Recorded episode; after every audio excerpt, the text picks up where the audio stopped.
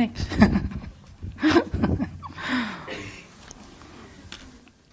Goedemorgen. Wat een geweldige band. Victor, is Victor nog? Ja, hier. Heb jij dat nummer geschreven van Leef Zutphen? Ja, hè? Samen met Leef hoor. Met, uh, ja. ja, goed hè? Het is echt een mooi lied. Dankjewel. Ja, en Anna die heeft uh, vanochtend uh, voor de laatste keer voor de komende tijd uh, dienst geleid. Want Anna is natuurlijk steeds verder, verder zwanger. Ja, steeds verder zwanger, ja. dus ze, ze, stopt er een tijdje mee. En, maar dankjewel voor alle afgelopen keren. En geniet van je rust. Heb je ook nodig. Sta ik goed zo, Rick? Ja, oké, helemaal goed. Dank jullie wel. Goed. Ja, ik hoor het. Dat, doe dat ligt aan mij dan, denk ik, of niet? Dat vind ik niet zo fijn. Zo beter? Ja, beter. Even wennen met zo'n dingetje. Ik heb meestal zo eentje. Goedemorgen allemaal. Ik heb een boodschap op mijn hart. Al een tijdje. En uh, um, het grappige is, ik had uh, gisteren uh, meegeholpen met Erika Dunk. Zij heeft een nieuwe stichting. En we hebben een conferentiedag gehad. Dat was echt geweldig. Er waren een paar zussen van ons hier in ons midden ook. En het was een, echt een bijzondere dag. Echt Gods aanwezigheid gevonden. En, maar goed, Erika die heeft dus een heel aantal dingen uh, genoemd die ik ook van plan was te noemen. Dus sorry dat ik het nog een keer herhaal. maar goed, dat, dat geeft niks. Want ik geloof namelijk dat het Gods hart is. Dat het Gods agenda is. Voor op dit moment. Voor ook voor onze gemeente. Ik ga het wel een heel klein beetje anders doen als anders. Maar ik hoop dat jullie met me mee willen gaan. Want ook dat geloof ik dat God ons wil leren. Amen? Goed. Ik ga beginnen met de eerste tekst, Romeinen 12, vers 2. En wordt geniet aan deze wereld gelijkvormig, maar wordt innerlijk veranderd door de vernieuwing van uw gezindheid, om te kunnen onderscheiden wat de goede, welbe welbehagelijke en volmaakte wil van God is. Je gezindheid is als het ware jouw manier van denken. Dus de manier waarop jij denkt. Paulus roept ons op om vernieuwd te worden in ons denken. Het is namelijk belangrijk dat we gaan herkennen wat is van ons. Wat, wat, hoe, hoe denken wij en hoe is Gods realiteit? We hebben het nieuw, uh, nodig om te leren te komen in overeenstemming met Gods realiteit. Met zijn manier van denken. Wanneer je opgroeit, dan uh, worden er allerlei waarden over jou en naar jou gecommuniceerd. Op allerlei manieren um, groei jij op en vormt jouw denken zich op een bepaalde manier. En als het ware creëert het de bril waardoor jij kijkt. Je krijgt als het ware een bril op. Iedereen heeft een bril, iedereen. Nou, deze hou ik niet te lang op. Ik weet niet wat er met je is gebeurd als je deze hebt uh, liggen opdoen. maar als je op een bepaalde manier, je, je groeit op en je leert op een bepaalde manier naar de, waar, naar de werkelijkheid kijken. En dat, is, dat vormt de bril van jouw denken. Um, wanneer jij bijvoorbeeld hebt geleerd dat uh, een huwelijk is iets wat je wel samen met elkaar aangaat, maar eigenlijk leef je gewoon je eigen leven, dan is dat ook de manier waarop jij een huwelijk in zal gaan. Wanneer jij geleerd hebt dat jij, um, wanneer je hard werkt, dat, er dan, dat je dan beloond wordt, dan zul jij een hoge mate van prestatiedrang hebben, omdat je dan weet dat je geliefd wordt. Dan wordt jouw bril als het ware. Maar ook bijvoorbeeld wanneer je hebt geleerd dat een kerk jou voorziet van geloofskracht, dan is dat ook hoe je een gemeente binnenkomt en hoe je daar binnen beweegt.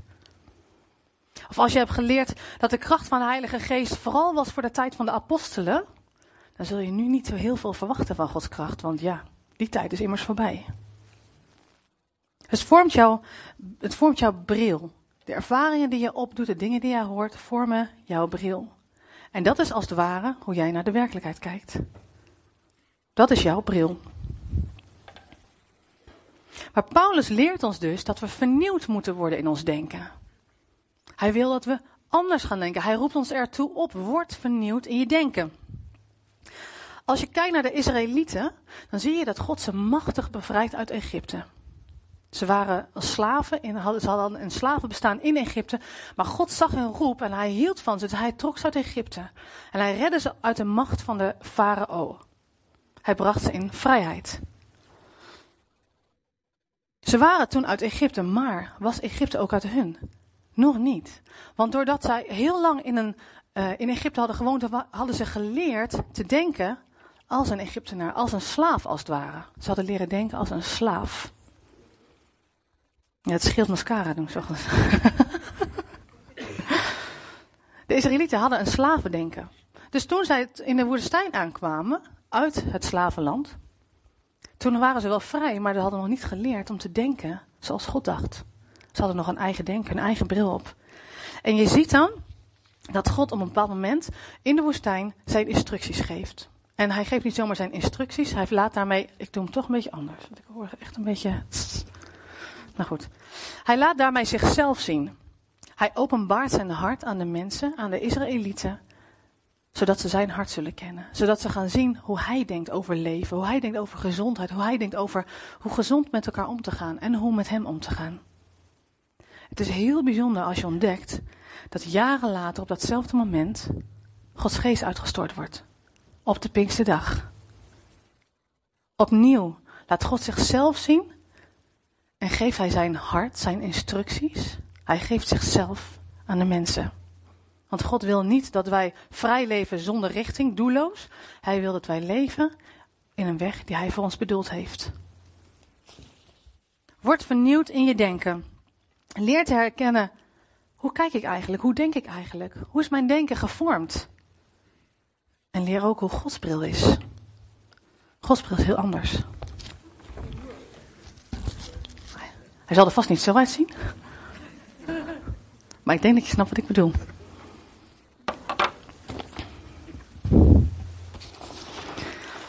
Als je kijkt naar hoe je denkt, je manier van denken, dan heeft het ermee te maken dat je overeenstemt met bepaalde gedachten.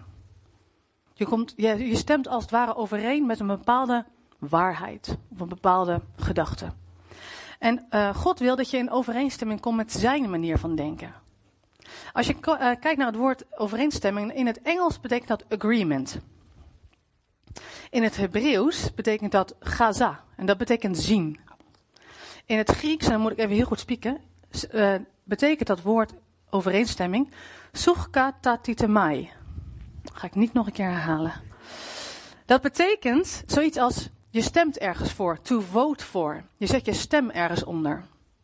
Dat zien-aspect van het Hebreeuwse woord, dat heeft ermee te maken dat je bepaalt, uh, dat je kijkt op een bepaalde manier, uh, op dezelfde manier als een ander. Je um, hebt hetzelfde perspectief naar iets. Als je kijkt naar dat, dat stemmen-effect, dan heeft dat ermee te maken dat je, kijk, wanneer je ergens voor stemt, dan zet jij, um, dan geef jij die ander als het ware jouw stem om jouw gedachtegoed uh, te vertegenwoordigen. Of jij vertegenwoordigt de, het gedachtegoed van iemand. Dat heb, je, dat heb je met stemmen. Als je een partij stemt, uh, dan, dan vertegenwoordig je dat. Of die ander vertegenwoordigt jouw gedachten. En dat, is ook jouw, dat heeft ook mee te maken met jouw denkwijze. Jij stemt ergens mee overeen. Jij stemt als het ware ergens voor. Jij bekrachtigt daarmee iets of iemand. En wanneer jij gelooft op een bepaalde manier, zul je dat ook zien in je gedrag. Wanneer jij zegt dat jij iemand vertrouwt, maar eigenlijk is dat helemaal niet waar, dan zul je niet het achterste van je tong laten zien. Dan zul je wat oppervlakkig blijven, een beetje terughoudend. Wanneer jij zegt dat je iemand heel aardig vindt en gezellig en zo, maar eigenlijk vind je het gewoon een roddeltand en achterbaks, dan zul je dat wel merken aan je gedrag. Je gaat je dan niet heel amicaal gedragen naar die persoon. Toch? Je merkt jouw denken is te zien in jouw gedrag. De vraag is, door wie laat jij je leiden? Natuurlijk denk je, ja, dat is mijn denken. Maar weet je, in die end zijn er twee opties. Uiteindelijk stemt jouw denken, komt terug bij of dat van God, of dat van zijn tegenstander. Want wanneer jij denkt, weet je, het is niet voor mij, ik ben er niet waard. Ah, vast wel voor een ander, maar niet voor mij. Het gebeurt niet bij mij. Het gaat aan mij voorbij. Dan stem je niet overeen met Gods waarheid, toch? Maar God zegt, ik heb jou gezien en ik vind jou belangrijk. Ik wil met jou door. De tegenstander zegt, echt niet. Jij bent het echt niet waard. Dat is zijn denken. En als wij dat geloven, dan stemmen wij als het ware daarmee overeen. Snap je wat ik bedoel? Dat heeft heel veel mee te maken met de bril die jij hebt geleerd te dragen. En die komt vanuit vroeger uit. Maar het is heel belangrijk dat we dat leren ontdekken en herkennen bij onszelf. Want God wil dat we ons denken vernieuwen en gaan lijken en gaan denken zoals Hij denkt. Vanuit zijn hart, wat in zijn hart is. God wil dat je, als het ware, zijn, door zijn bril gaat kijken. Nou, dan zie je niet zo heel veel door deze bril hoor. Maar goed, je snapt wat ik bedoel. Hoe vernieuw je nou je denken? Door je bewust te richten op de waarheid van God, want dat is de waarheid. Als je niet overeen wil stemmen met de leugens van de tegenstander, dan moet je dus de waarheid van God leren kennen. En dan moet je dus op Hem richten. Dan moet je richten op de waarheid van God. En als je kijkt naar de waarheid van God, staat in zijn woord. Maar er wordt ook geschreven in de Bijbel dat de waarheid niet alleen een geschreven boek is, waar heel veel kracht van uitgaat. Het is Jezus zelf. Van Jezus wordt gezegd: Het woord is mens geworden en heeft bij ons gewoond. Vol van goedheid en waarheid. En we hebben zijn grootheid gezien. De grootheid van de enige zoon van de Vader. Dus willen wij vernieuwd worden in ons denken, dan hebben wij het nodig dat we naar Jezus kijken, de mens geworden zoon van God. Colossense noemt hem de geliefde zoon, die ons de verlossing bracht, de vergeving van zonde. We zijn uit Egypte gehaald. En als je dan kijkt naar Jezus, hij groeit op uh, als kind uh, op deze wereld, als mens. En als hij rond de dertig is, dan laat hij zich dopen door zijn neef Johannes de Doper. En Johannes getuigt, ik heb de geest als een duif uit de hemel zien neerdalen en hij bleef op hem rusten. Wat heeft Johannes gezien? En vanaf dat moment gebeuren er allerlei wonderen en tekenen. Overal waar Jezus komt, gebeuren wonderen. En dan heb ik het over wonderen als genezing, als bevrijding, maar ook veranderen, veranderde harten. Als je kijkt naar Zacchaeus, Zacchaeus was een tollenaar. In die tijd waren de tollenaren, die namen geld in en die vroegen gewoon te veel. Er waren eigenlijk gewoon dieven. En Zacchaeus dus ook. Maar Zacchaeus komt in contact met Jezus en zijn hart verandert. En hij betaalt alles terug wat hij te veel heeft geïnd van de mensen. Dus het is een veranderd hart wat ook gebeurt. Is ook een wonder op zich. Jezus verzamelt een groep mensen om zich heen, een groep mannen. En hij zegt, volg mij, laat alles achter en volg mij. En dat doen ze. En later ook komen de mensen bij Jezus en hij zegt, volg mij, kom en volg mij. En sommigen doen dat en anderen vinden dat wat lastig om alles achter te laten. Denk aan de rijke jongeling. En Jezus leeft ook een hele nauwe relatie met zijn vader. Zijn vader in de hemel. En als je kijkt, in Johannes staat ook dat waarachtig, zegt Jezus, ik verzeker u. De zoon kan niets uit zichzelf doen. Hij kan alleen doen wat hij de vader ziet doen. En wat de vader doet, dat doet de zoon op dezelfde manier. Jezus liet zich leiden door de Heilige Geest, die rust op hem. En daardoor kon hij herkennen wat de vader deed. In Handelingen 10. U weet wat er in heel het Joodse land is gebeurd. Hoe het begon in Galilea. Hoe God na de doop waar toen Johannes opriep, Jezus uit Nazareth met de Heilige Geest heeft gezalfd. En met kracht bekleed heeft. En hij trok als weldoener door het land en genas iedereen die in de macht van de duivel was. Want God stond hem bij. Dat was Jezus. We weten dat Jezus stierf. Uiteindelijk stierf hij voor onze zonde. Hij stierf van het kruis. En hij stond weer op uit de dood. En hij heeft de macht van deze duivel heeft hij verbroken. Amen. Amen. En als wij onze hand op Jezus leggen, dan is ook die macht over ons gebroken. Dan zijn wij vrij. Maar voordat Jezus, eh, Jezus nu bij zijn vader weer terug in de hemel, maar voordat hij daar naartoe ging, zei hij nog een aantal dingen. Johannes 14. Later zal de pleitbezorger, de Heilige Geest, die de Vader jullie namens mij zal zenden, jullie alles duidelijk maken en alles in herinnering brengen wat ik tegen jullie gezegd heb. En dan Johannes 13. Want ik heb u een voorbeeld gegeven, opdat u ook zult doen zoals ik voor u heb gedaan. Jezus is ons voorbeeld. Hij heeft ons een voorbeeld gegeven. Hij heeft een voorbeeld gegeven waarvan hij wil dat wij hem volgen. Hij zegt: volg tegen al die mensen. Hij kwam om ons te verlossen, om ons te bevrijden. Hij liet ons niet alleen achter als vrije mensen zonder richting. Hij kwam met zijn geest. Hij gaf zijn geest. Hij leefde voor hoe zijn vader, hoe hij in relatie met zijn vader was. En hij liet zien dat zijn vader ook onze vader is. Dat was ook de kracht, de bron waar hij uit alle wijsheid en alle kracht kon putten. Dat is ook voor ons. Wat betekent dat nou? Kijk, de meeste christenen, zeker hier hè, onder ons, wij geloven echt dat wij verlost en bevrijd zijn. Amen. Wie gelooft dat hij verlost en bevrijd is door Jezus? Amen. En we geloven ook dat een ander dat ook moet weten. We hebben het nodig dat anderen, we weten dat, dat anderen het ook nodig hebben. Dat willen we ook doen, dat geloven we. En we maken ook keuzes. Ik weet dat jullie allemaal hier ook proberen heel bewust te leven. Hè? Dat je goed doet aan een ander, vriendelijk, eh, niet zondigen, omzien naar elkaar. Ik weet dat onder ons, daar, daar, daar maken wij keuzes in. Maar toch weet je, er is meer. Er is echt meer. Ik geloof dat er meer is. Er is meer als wat wij nu hebben ontdekt. Weet je, ik verlang dat ik op Jezus lijk, dat ik in zijn voetsporen wandel en dat ik net zo'n relatie met de Vader heb. Ik verlang ernaar dat ik versta wat Hij zegt voor elk moment en elke situatie. En ik verlang ernaar, als ik mensen tegenkom die dus onder de macht van die duivel nog zitten, dat als ik spreek, dat er vrijheid komt. Amen. Dat is wat ik wil. En ik wil, ik heb, weet je, ik heb zoveel meer liefde nodig. Ik verlang daarnaar. Ik geloof dat het kan, dat ik meer liefde kan ontvangen van mensen. Want Jezus hield van iedereen. Echt iedereen. En als ik heel eerlijk ben, dan is het bij mij nog zo vaak niet zo voor iedereen. Ik wil echt meer. Ik geloof dat er meer is en dat we meer op Jezus kunnen lijken. En dat is mijn verlangen. En daar streef ik naar, daar zoek ik naar. Weet je, ik kijk nog zo vaak door mijn ervaringen. Weet je, dat de keer dat ik bad, toen gebeurde het niet.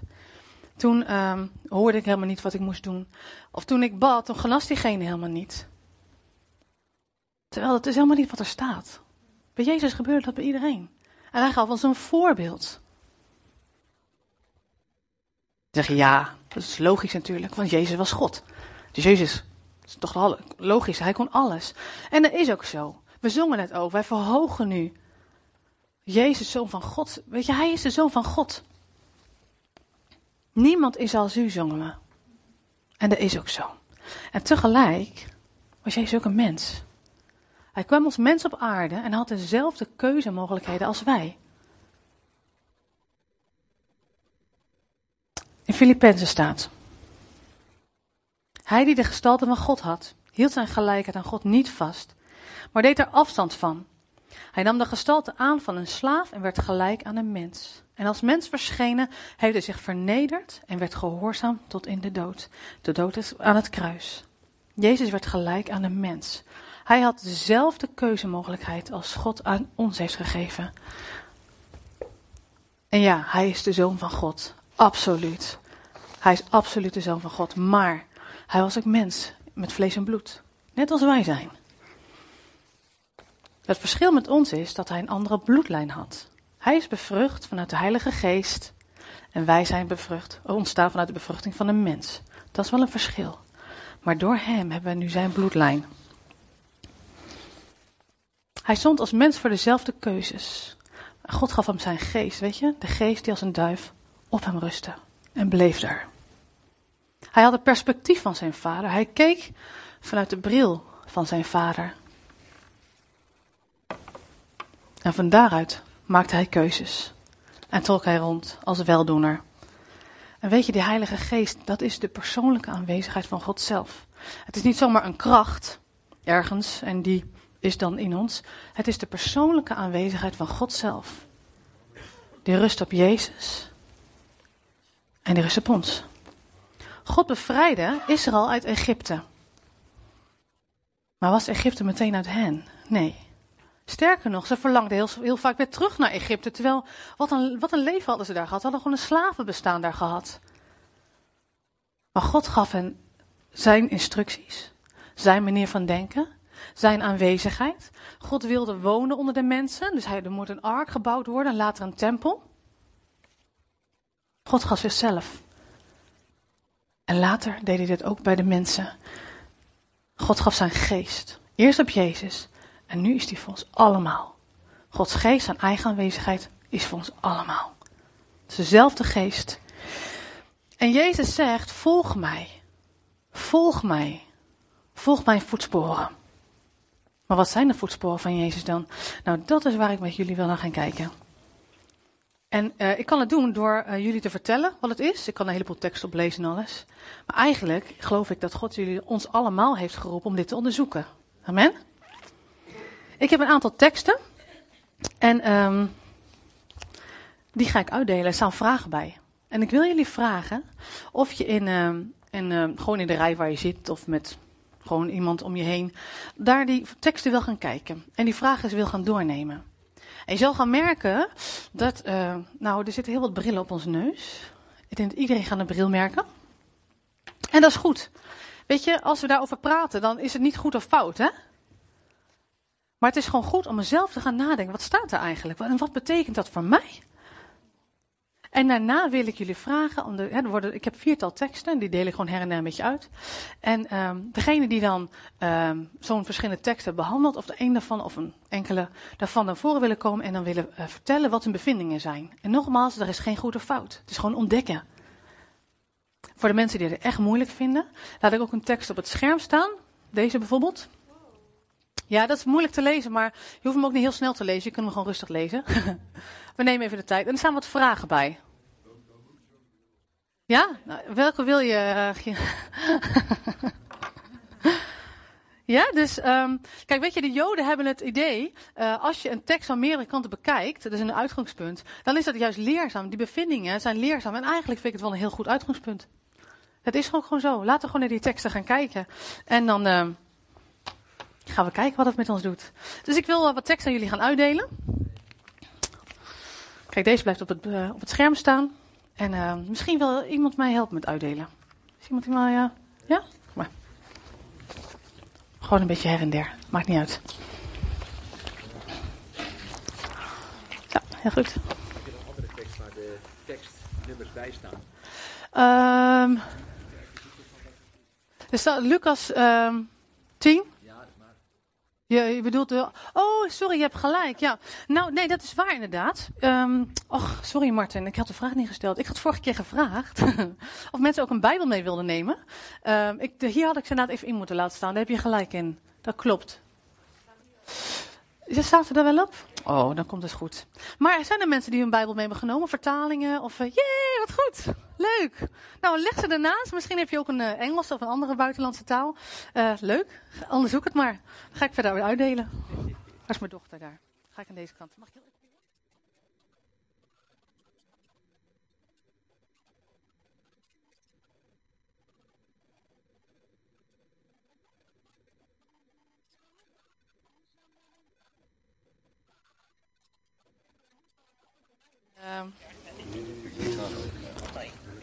een tekst? Willen jullie een tekst? Willen jullie met elkaar? Goed. Willen jullie met elkaar? Ik hoop dat ik genoeg heb. Heb je nog wat? Oh, daar. Kijk maar, Elise.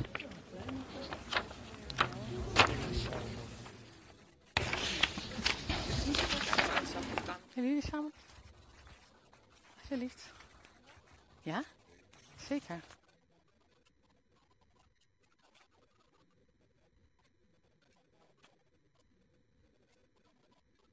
Andere tekst?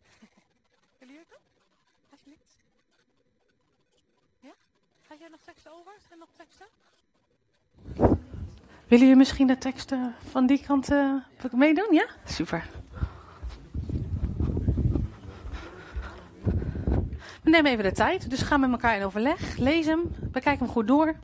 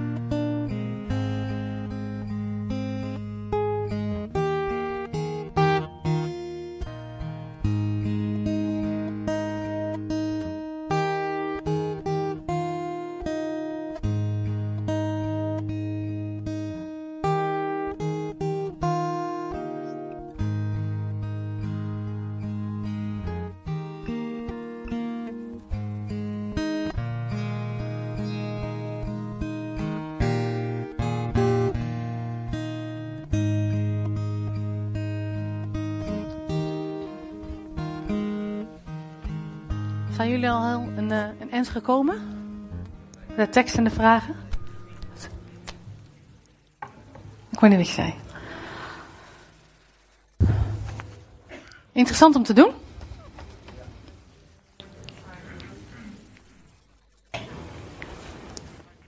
Wie merkt al een bril bij zichzelf, een oude bril? Verschillende brillen.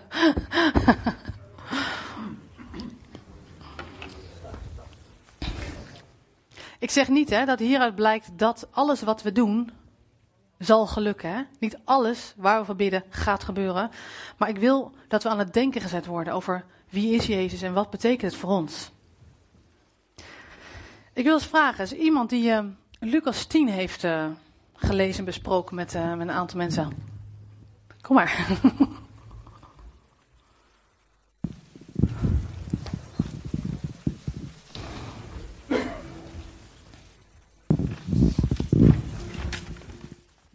Ja, ik vond het heel mooi om te doen. Ik heb het uitgelezen op een manier dat ik het nooit eerder gelezen had. En eigenlijk als een soort van, uh, van liefdesbrief. God zegt tegen je van, hey, je bent mijn geliefde kind. Je bent mijn geliefde zoon. Doe ik dat? Nou, dat dus. en uh, God zegt van, ja, ik ga met je mee. Ga op pad, uh, zoek, zoek nieuwe arbeiders, zoek nieuwe mensen. En het is leuk dat, dat, dat de demonen naar je luisteren. En het is leuk dat je op schorpioenen kunt staan. Maar ga met mij. He, ga, ga samen met mij en ik ga je leiden. En wees niet bang. En als je, als je ergens komt en, en ze willen je niet, ze wijzen jou niet af, ze wijzen eigenlijk uh, Jezus af in jou. En dat was wat ik nooit bekeken eigenlijk. Ik vond het hartstikke mooi. En um,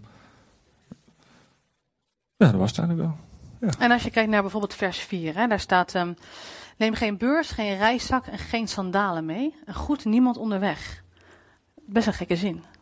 Ja, Wat uh, hebben jullie daarover nagedacht? Ja, het eerste deel, dat snap ik wel. Um, geen beurs, geen reis, dus gewoon echt vertrouwen op God. Gewoon samen met, met God gaan en je gewoon laten leiden. En groet niemand. Ja, ik denk dan dat het uiteindelijk is, uh, laat je niet afleiden. Mm -hmm. ja. ja. Ja, gefocust blijven. Ja. ja. En is er nog iemand die over deze tekst iets wil, uh, wil noemen? Ja? In het, uh, in het Ik moet de microfoon naartoe. Dankjewel Willem.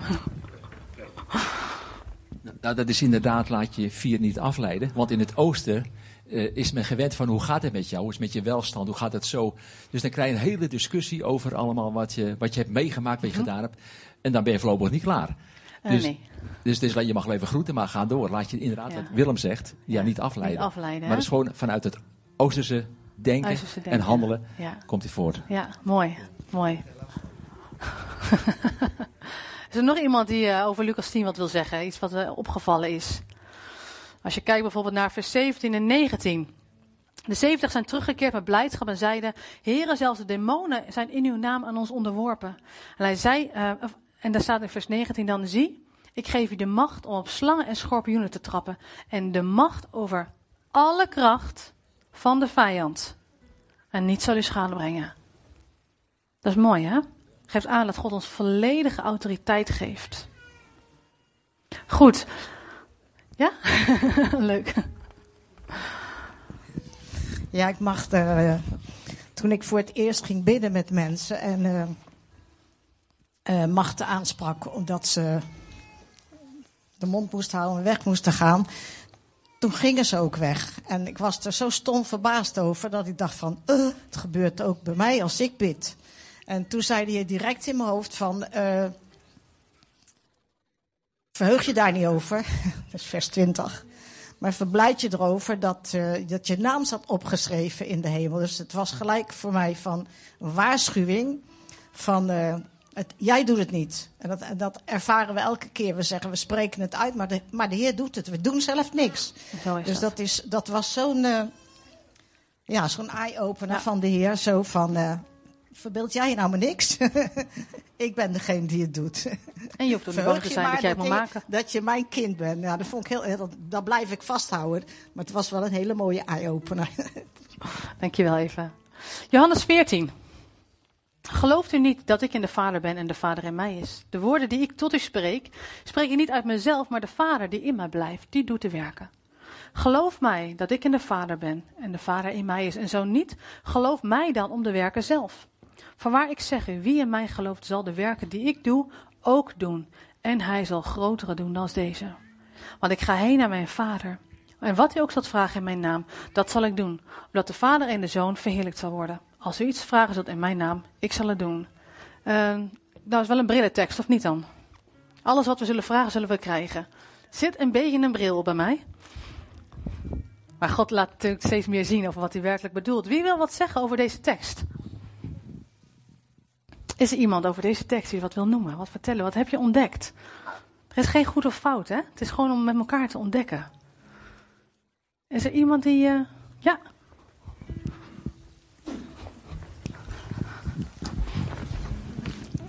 Het is best spannend, hè, jongens?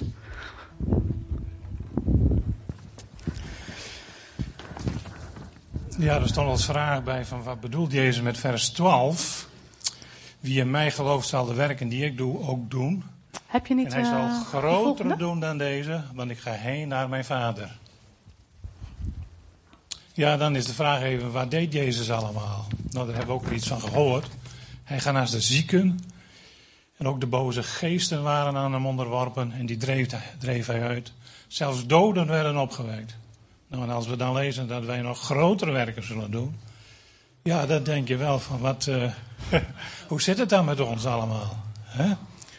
En uh, dan hebben we last van die bril, denk ik, mm -hmm. die, die, we op hebben. En uh, die wordt vooral ook bepaald, denk ik, door onze ervaringen. En wat Rend ook al eerder zei, van ja, dan, dan gebeurt het soms niet. En dan, dan worden we toch een beetje twijfelachtig misschien. Dus, maar hier staat dus heel duidelijk dat wij op Hem moeten vertrouwen en in Jezus moeten blijven en het in Zijn naam moeten doen. Zoals Jezus, Jezus deed ook alleen maar wat, wat Hij de Vader zag doen. En Hij was voortdurend in de Vader. En zo zullen wij ook voortdurend in Jezus moeten zijn. En dan mogen wij ook de dingen doen die Hij doet. Dankjewel. Zo is dat. Nog iemand? Nee? Gaan we naar Johannes 17. Ik denk dat je die ook op de sheet hebt staan. Ja. Het is wel een hele tekst. Ik wil eigenlijk, ja, uh, heb ik daar ook de dingen weggehaald? Ja. Ja, is er iemand die over, uh, over deze tekst iets wil zeggen? Iets wat opgemerkt is, wat opvallend is? Iemand?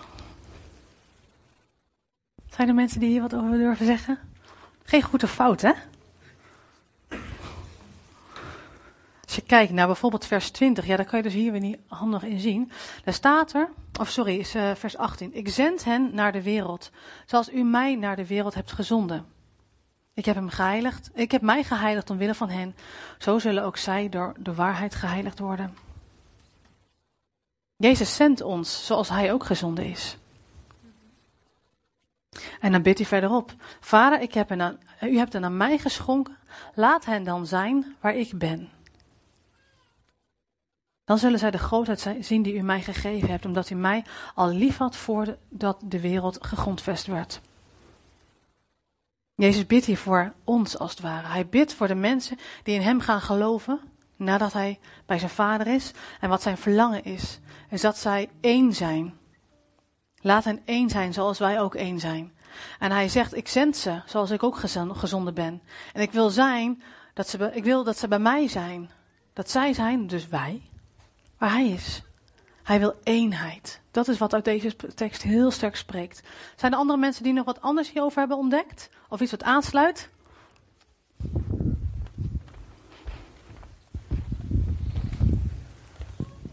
Uh, wat ik dus opvind, vooral dat uh, uh, de wereld, de macht, eigenlijk bij God terechtkomt.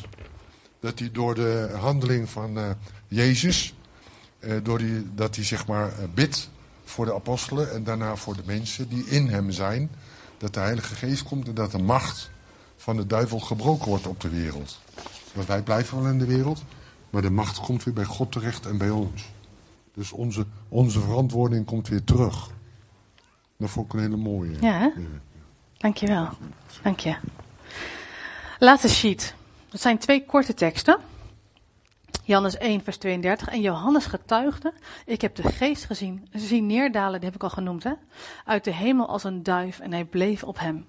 En daarbij heb ik 1 Korinthe 3. Weet u niet dat u Gods tempel bent en dat de geest van God in u woont? Iemand? Ja.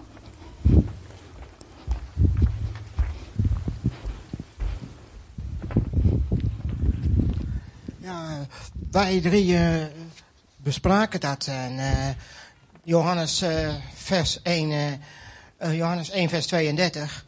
Maar eh, toen hadden we het eigenlijk over de doop. Want ook wij zijn gedoopt eh, in het doopbad. En eigenlijk, dan, ja, dan begin je aan een nieuw leven, maar met, dan met Jezus. Ja, zo. En eh, het ontvangen dus eigenlijk ook van de Heilige Geest. En ehm, vaak ontvang je, ontvang je de Heilige Geest al op het moment je hart aan Jezus geeft. En eh, dat is eigenlijk waar het bij ons eh, op neerkwam. En daar hebben we het eigenlijk even besproken. Ja, dankjewel. Ehm, wij hadden diezelfde teksten gekregen en wij hebben het dan weer over hele andere dingen gehad. Ehm, bijvoorbeeld eh, dat stukje in Johannes van ik heb de geest in neerdalen als een duif en hij bleef op hem. Dat is eigenlijk gewoon een hele zakelijke beschrijving van de geschiedenis die gebeurd is. En dat kun je heel erg op jezelf betrekken, maar je kunt het ook heel zakelijk lezen. En daarin leest, eh, ja, is ons ook opgevallen dat iedereen de Bijbel echt op een andere manier leest. En die tweede tekst, weet u niet dat u Gods tempel bent en dat de geest in u woont. In dat tekstgedeelte staat nog veel meer, ook over andere Ja. dingen. En een van de dingen die bij deze tekst gelijk in onze gedachten kwam, is dat deze tekst heel vaak gebruikt wordt als je mag niet roken, je mag niet drinken, je moet goed voor je lichaam zorgen. En dat is ook een interpretatie die mensen ervan hebben. Eh, Want ja, gaat dit over je lichamelijke lichaam of gaat dit over je geestelijk lichaam? En dat zijn ja, heel veel dingen die je nog weer uit deze tekst kunt Ja. halen om over na te denken. En wat, wat hebben jullie ook over gehad over wat het zegt over eh, ons, eh, de vraag aan Jezus, van Jezus aan ons, volg mij. Heb je daar ook, eh, hebben jullie het daar ook over gehad? Ehm, een beetje, maar daar zijn we niet helemaal eh, uitgekomen. Nee, snap ik. Toen kwam ik weer, ja, weer inbreken. Sorry. Nog meer mensen die er iets over willen zeggen? Ja, kom naar je toe. Oeh, sorry, valt mijn bril. Nou ja, die was toch niet meer van mij. Johan. Ja, wij hadden wel de tijd eh, genomen om dat, die vraag met name te beantwoorden ook. En eh, er staat in, de, in die twee teksten samen dat eigenlijk dat wij dezelfde geest hebben als Jezus. Mhm. En daarmee wordt het een, eh, een heel stuk makkelijker, zeg maar. Want die geest die daalt neer op Jezus en die woont, zoals we in Korinthe zien, in ons. En dat is dus niet even op bezoek, maar altijd. Ook als je hem niet ziet. Of merkt. Ja. En eh, hij, dat staat dan niet in deze teksten, maar dat vinden we wel in, verderop in de Bijbel, zeg maar, dat de, de Heilige Geest onze helper ook is. En als wij dus gewoon, net zoals Jezus, doen wat de Geest ons vertelt, dan volgen wij Jezus dus. Juist. En dat maakt het een stuk makkelijker, want het is niet, ineens niet meer onze eigen verantwoordelijkheid. Heel goed, dankjewel. Is leuk hè, om verschillende uitleggen ook zo eh, te horen. Hè? Dankjewel. Zijn er nog meer mensen die hier wat over willen zeggen? En wij zaten even te lezen, eh, eerst in eh, Lucas. En daar staat het wel als een, een lam onder de wolven gezonden worden. En toen hadden we het even over, hoe is dat dan in je klas, had ik met Elisa, mijn dochter, over. Dat voelt dan zo, hè, als je over Jezus gaat vertellen, dat je als een lammetje staat. En ehm, dat de wolven om je heen staan. En als je naar de andere teksten kijkt, is dat ook eigenlijk helemaal de waarheid. Weet je wel, Jezus kwam ook als kwetsbaar mens. Maar hij was de woning van God, net als wij. Wij zijn Gods tempel. En God gaat iets doen doorheen, door ons heen, terwijl wij dat niet kunnen. Als een lammetje wat staat te bibberen tussen de wolven. Maar God zegt, ik geef alle macht aan die. En ik werk over hem heen. En ehm, dat vergt heel veel eh, geloof. En dat vergt een bril die eikt op God. Want als je eikt om je heen, dan eh, ga je rennen, denk ik. Amen. Dankjewel. Heb je iedereen gehad die wilde? Ik, eh, ik merk van wel iets van, eh, duidelijk van wat ik met de ogen zie. Dan moet ik weer denken aan het licht. Licht in je ogen. En licht betekent, als ik kijk weer van eh, bij Adam en Eva, toen misging in het paradijs, we raakten, hè, dat, we- door de zonneval, dat we maar naakt werden. Maar het licht, ze waren gekleed met het licht. Ze zijn het kwijtgeraakt. Maar Jezus heeft het teruggebracht in ogen. En daarom is centraal van, vandaag ook met het oog de bril op. Maar het gaat om, heb je licht in je ogen, dan heb je een mooie bril op. Amen. Dankjewel. Als we zo kijken naar de- al deze teksten die ik heb genoemd en die we hebben gelezen. Mag ik maar jou geven? Wil je hem uitdoen? Dankjewel. Wat we zien is dat Jezus leefde als mens onder ons, terwijl hij toch Gods zoon was. En hij deed eh, wat hij de Vader zag doen. Hij had een innige relatie met de Vader. De geest van God, de aanwezigheid van God zelf was op hem, die rustte op hem. En hij bracht overal waar hij kwam de waarden van het koninkrijk. Want waar we het over hadden, dat zijn de waarden van het koninkrijk. We hebben het over genezing en over wonderen. We hebben het ook over eenheid gehad en over hartsverandering hebben we het ook over gehad. Weet je, het zijn allemaal waarden van het koninkrijk. En dat is wat Jezus bracht. En een van de teksten stond ook dat je, in Lucas was dat, van ehm, vertel ze dat het koninkrijk van God is nabij. Dat zijn de waarden van het koninkrijk die Jezus bracht. En ik denk dus, wat ik al zei, dat jullie allemaal wel merken. Wat een bril heb ik eigenlijk op zeg. Ik heb nog zo vaak deze bril die mij dan ja, bepaalde, een bepaald denken geeft, zeg maar. Waardoor ik wel lees wat er staat, maar denk, wat, hmm, wat is het voor mij nou? Maar ik wil, dat, ik wil echt op Jezus gaan lijken. En ik wil echt gaan doen zoals hij ook leefde. En hoe volgen we dan toch zijn voorbeeld? Kort. Jezus kende het woord van God. Sterker nog, hij was het. Hij was het woord van God. En dat geldt ook voor ons. We hebben het nodig dat wij Gods woord leren kennen. We hebben het nodig dat wij zijn woord gaan lezen en onderzoeken. En begin dan bij het levende woord. Het is Jezus. En als je Jezus gaat bestuderen, gaat onderzoeken, dan zul je zien dat je zowel het Oude als het Nieuwe Testament gaat ondervinden. Gaat herkennen wat God daarin spreekt, hoe God zijn hart erin openbaart. En ook in Lucas, hij had intimiteit met zijn vader. Er staat ook dat het gebeurde in die dagen dat hij naar buiten ging, naar de berg om te bidden. En hij bleef heel de nacht in gebed tot God. Je blijft als een hele nacht in gebed met God. Maar ik doe het niet zo vaak. Ik bid wel, maar een hele nacht. Maar Jezus deed het wel. En als Jezus het nodig had, heb ik het zeker ook nodig. Weet je, we hebben het echt nodig dat we veel tijd nemen met God. Weet je, als je veel tijd neemt met iemand, dan leer je iemands hart kennen. Leer je weten wat hij denkt. Dan ga je ook vanuit zijn perspectief leren kijken.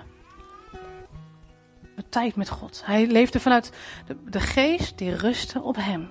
Dat was wat Jezus ook deed. Ik heb wel eens iemand de vraag horen stellen: hoe leef je nou met een duif op je schouder?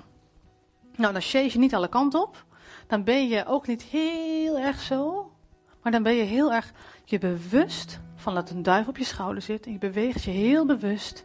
Ben je voortdurend be- bewust van die duif. En zo mag het ook met de Heilige Geest zijn die in ons woont. Als wij een tempel zijn, dan mogen we ons bewust zijn elke keer. Oké, de Heilige Geest is er. Wat wil hij zeggen? Wat wil hij doen? Wat ziet hij? Wat ik niet zie. En we lezen dat Jezus ook gehoorzaam was. Gehoorzaam tot in de dood. Dat staat ook in Johannes. Ik heb u lief gehad zoals de Vader mij heeft lief gehad. Blijf in mijn liefde. Je blijft in mijn liefde als je je aan mijn geboden houdt. Instructies van de Heer. Zoals ik me ook aan de geboden van mijn Vader gehouden heb en in zijn liefde blijf. En dan zegt Jezus, ik noem jullie geen slaven meer, want een slaaf weet niet wat zijn meester doet. Vrienden noem ik jullie, omdat ik alles wat ik van de Vader heb gehoord aan jullie bekendgemaakt heb. Jezus gehoorzaamde en hij vraagt het ook van ons, maar vanuit liefde. Wij zijn gered vanuit het Egypte bestaan, vanuit een slavenbestaan. We zijn in een vrij land geplaatst. En hij gaf ons zijn geest, zijn instructies, maar zijn eigen aanwezigheid om in die vrijheid te wandelen. En vanuit liefde voor hem mogen wij dus beantwoorden en ons, en ons houden aan zijn, wat hij in zijn hart heeft. Dus kortom, neem tijd. Bewust, bewust van zijn aanwezigheid. Zijn woord bes- bestuderen. Oh kijk, ik heb hier opgeschreven. Ga naar de berg om te bidden.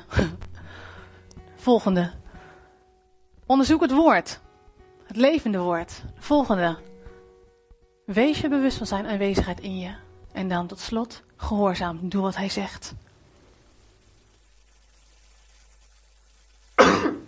Wie zegt, dat is wat ik wil. Wil je gaan staan en naar voren komen om een stap te maken?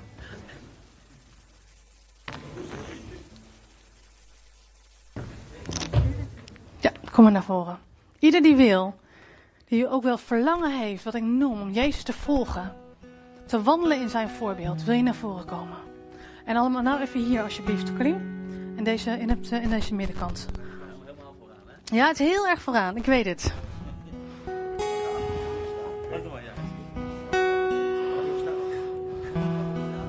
De, straat, de hele zaal stroomt leeg. Ik wil namelijk de hoeken nog even bewaren met ruimte.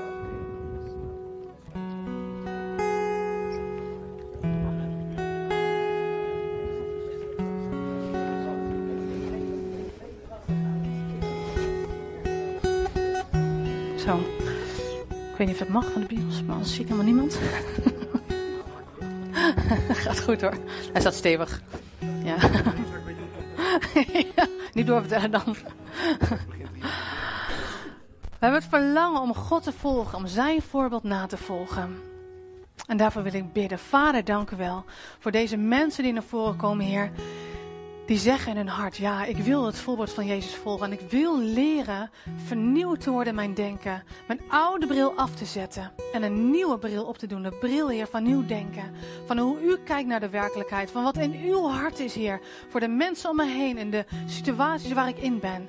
Heer, ik geloof, Heer, dat ik dat we uw wijsheid zullen ontvangen voor situaties, Heer, voor mensen. Ik geloof, Heer, dat u woorden wil geven. Ik geloof, Heer, dat u de wonderen door ons heen wil doen. Heer, dat is wat we zeggen, Heer, waar nu we vooraan staan.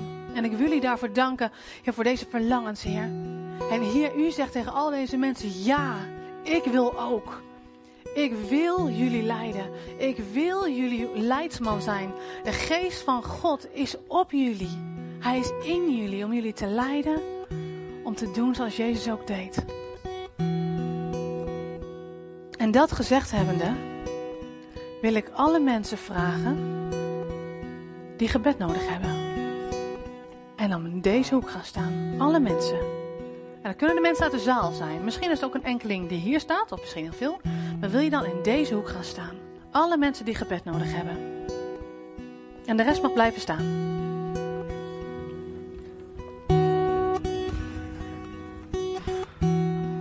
Vanaf het roze krat, zeg maar. Als je vanaf het roze krat wil gaan staan, dan uh, misschien dat u een beetje wil inschikken, zodat het duidelijk is wie welke groep is.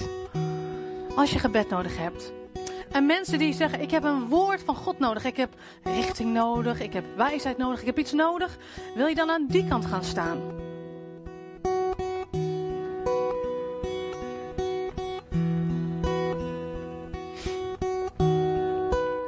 En misschien denk je wel, ik wil overal eigenlijk wel staan en een woord en ik heb en een gebed nodig en ik wil Jezus volgen. Mag allemaal. is allemaal goed. Willen jullie misschien aan die kant van de, van de monitor, van de box gaan staan? Sorry, zodat het helder is. Wie, uh, ja, even aan die kant van de box. Dan is uh, ja, alle mensen die een, uh, die een woord nodig hebben.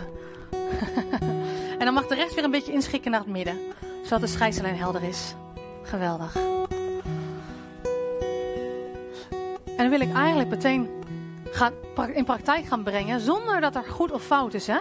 Maar Gods geest rust op ons om of voor deze mensen een gebed te bidden of voor deze mensen een woord te hebben. Dus ik wil eigenlijk nu stilstaan of een stil moment stilnemen en vragen de Heer, Heer, wie mag ik, voor wie mag ik bidden?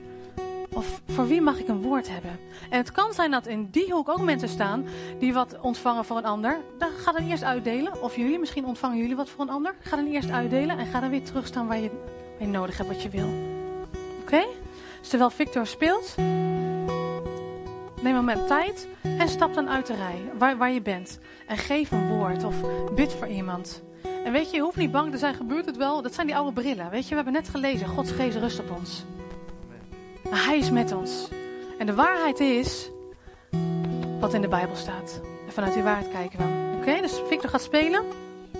En jullie gaan tijd nemen, wij gaan tijd nemen om te vragen, om te ontvangen wat God wil doorgeven aan de mensen in de hoeken.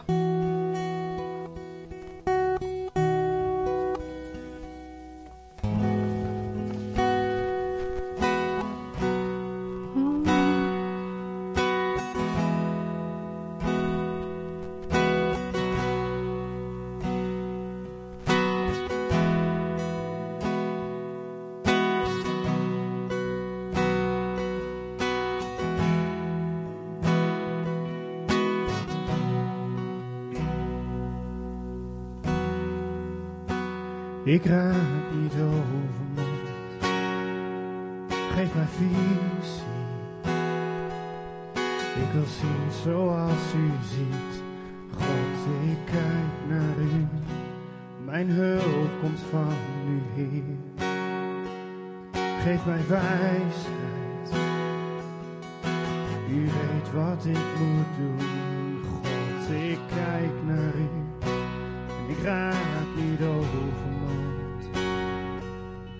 Geef mij ik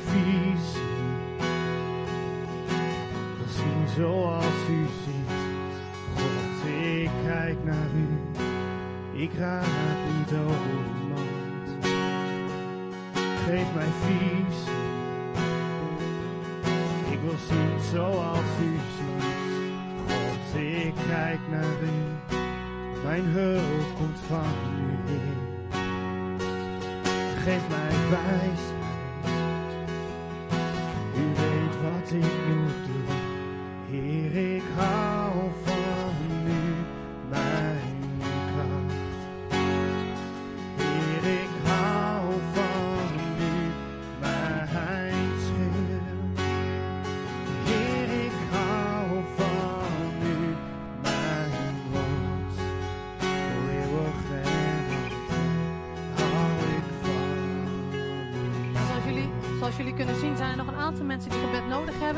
Van ieder die God wil volgen, ga gewoon naar ze toe.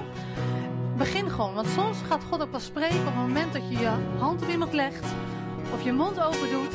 Geloof maar dat God gaat spreken door je heen. Dus stap naar mensen af die nog geen gebed nodig hebben. Zijn er mensen die, een, die nog gebed of een woord nodig hebben en dat nog niet gehad hebben? Wil je misschien je hand opsteken, heel voorzichtig? Ja, er is nog iemand. En daar zijn nog mensen. Ga maar gewoon naar ze toe. En als je al een woord of gebed hebt gehad en je wil Jezus volgen, ga dan ook. Misschien heb je wel van meerdere mensen iets. En als je wat hebt ontvangen en je hebt wat doorgegeven, als je dat verlangt, dan mag je weer terug naar je plaats gaan.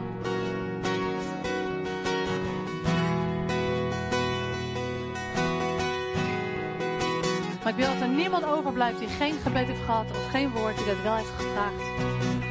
Want ik geloof dat God spreekt voor ons allemaal.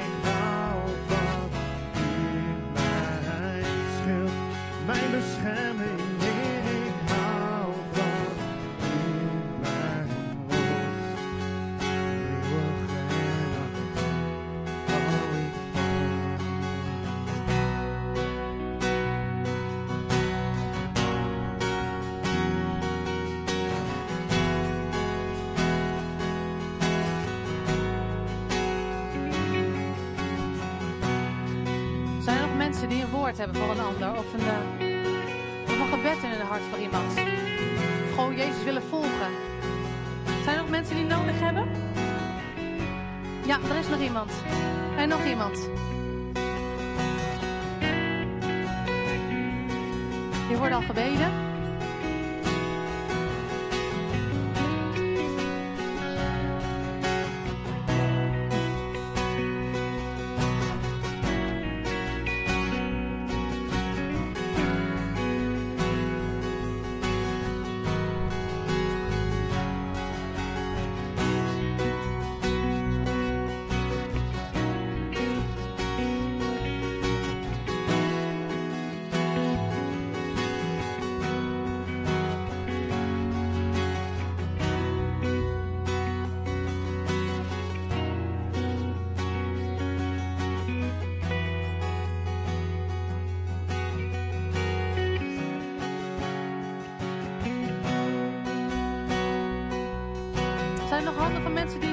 Met, met, nog niet- gebeden is?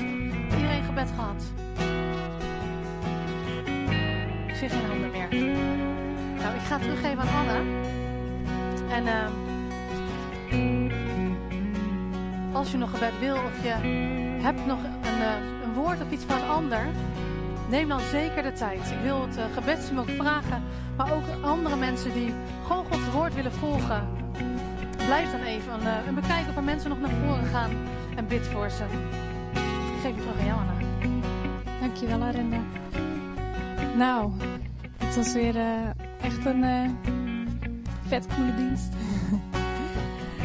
uh, ja, we mogen God echt wel heel dankbaar zijn voor alles wat hij geeft. Ook gewoon um, in zo'n dienst dat we weer echt opgebouwd worden, weet je wel. En uh, niet alleen voor onszelf, maar ook om gewoon door te geven aan andere mensen. Zoals we hier net zagen, dat, dat je voor iemand anders bidt of een woord hebt voor die persoon. En um, nou ja, ik geloof bij het voorbereiden van dit soort, deze dienst niet uh, in toeval. Het is me al te vaak gebeurd dat, dat je dan gewoon iets voorbereidt en dan komt het weer terug. En uh, dat is ook met de, de zegen waarmee ik eigenlijk wilde afsluiten vandaag. Um, ik uh, moest denken gisteren um, aan Genesis. Um, en in Genesis zegt God tegen Abraham: Ik zal je een groot volk maken. Ik zal je zegenen. Ik zal je aanzien geven en een bron van zegen zul je zijn. En toen uh, dacht ik van, laat dit ook gewoon zo zijn voor ons, weet je wel. Hè, een groot volk maken, nou ja goed, dat, daar moest ik niet per se aan denken. Maar wel van God zegent ons. God geeft ons aanzien, maar ook vooral dat wij van de zegen die we van God ontvangen, gewoon zo'n bron weer mogen zijn voor zegen voor anderen. En um, nou ja, hiermee wil ik jullie zegenen en uh, wil ik de dienst afsluiten. En um, ja, laten we gewoon met z'n allen nog even staan, want ik wil God even danken voor deze dienst. Dank u, Vader, voor uh, dat u gesproken heeft vanochtend door uw Heilige Geest, Heer. En um, ja, dank u, Heer, voor al het goede wat u geeft, Heer. Heer, dank u ook, Heer, dat we met al ons verdriet en zorgen altijd bij u terecht kunnen. Heer, dat als dingen nog niet goed zijn, Heer, dat u er bent, Heer, om ons te ondersteunen. En dat u bij ons bent, altijd. Alle dagen van ons leven. Dank u wel daarvoor. Dank u wel, Heer, dat u ons onderwijst, Heer, door uw Heilige Geest. Dank u wel dat u ons wilt leren om steeds meer en meer en meer op Jezus te lijken. Heer, en u heeft onze harten gezien, Heer, dat wij dat verlangen. Om steeds meer op uw Zoon Jezus Christus te lijken. En ik bid, Heer, wilt u dat uh, verlangen bekrachtigen, Heer, zodat wij gewoon, uh, ja, elkaar bijna niet meer terug herkennen. Gewoon zo veranderd zijn we, Heer. Dat we gewoon, ja, echt allemaal op uw Zoon zullen lijken. En um, dat het heel aantrekkelijk zal zijn, ook voor de mensen die nog niet hier komen, Heer, maar die u ook hier wilt hebben. Laat het zo zijn. In de naam van Jezus. Amen.